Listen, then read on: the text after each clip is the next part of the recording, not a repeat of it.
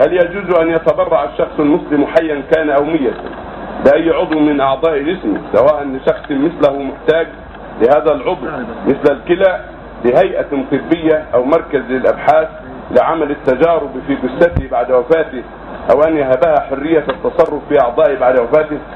يعني خدمة للطب يعني. هذا في خلاف بين أهل العلم التبرع بالكلية ونحوها في خلاف بين أهل العلم منهم من أجاز ومنهم من منع.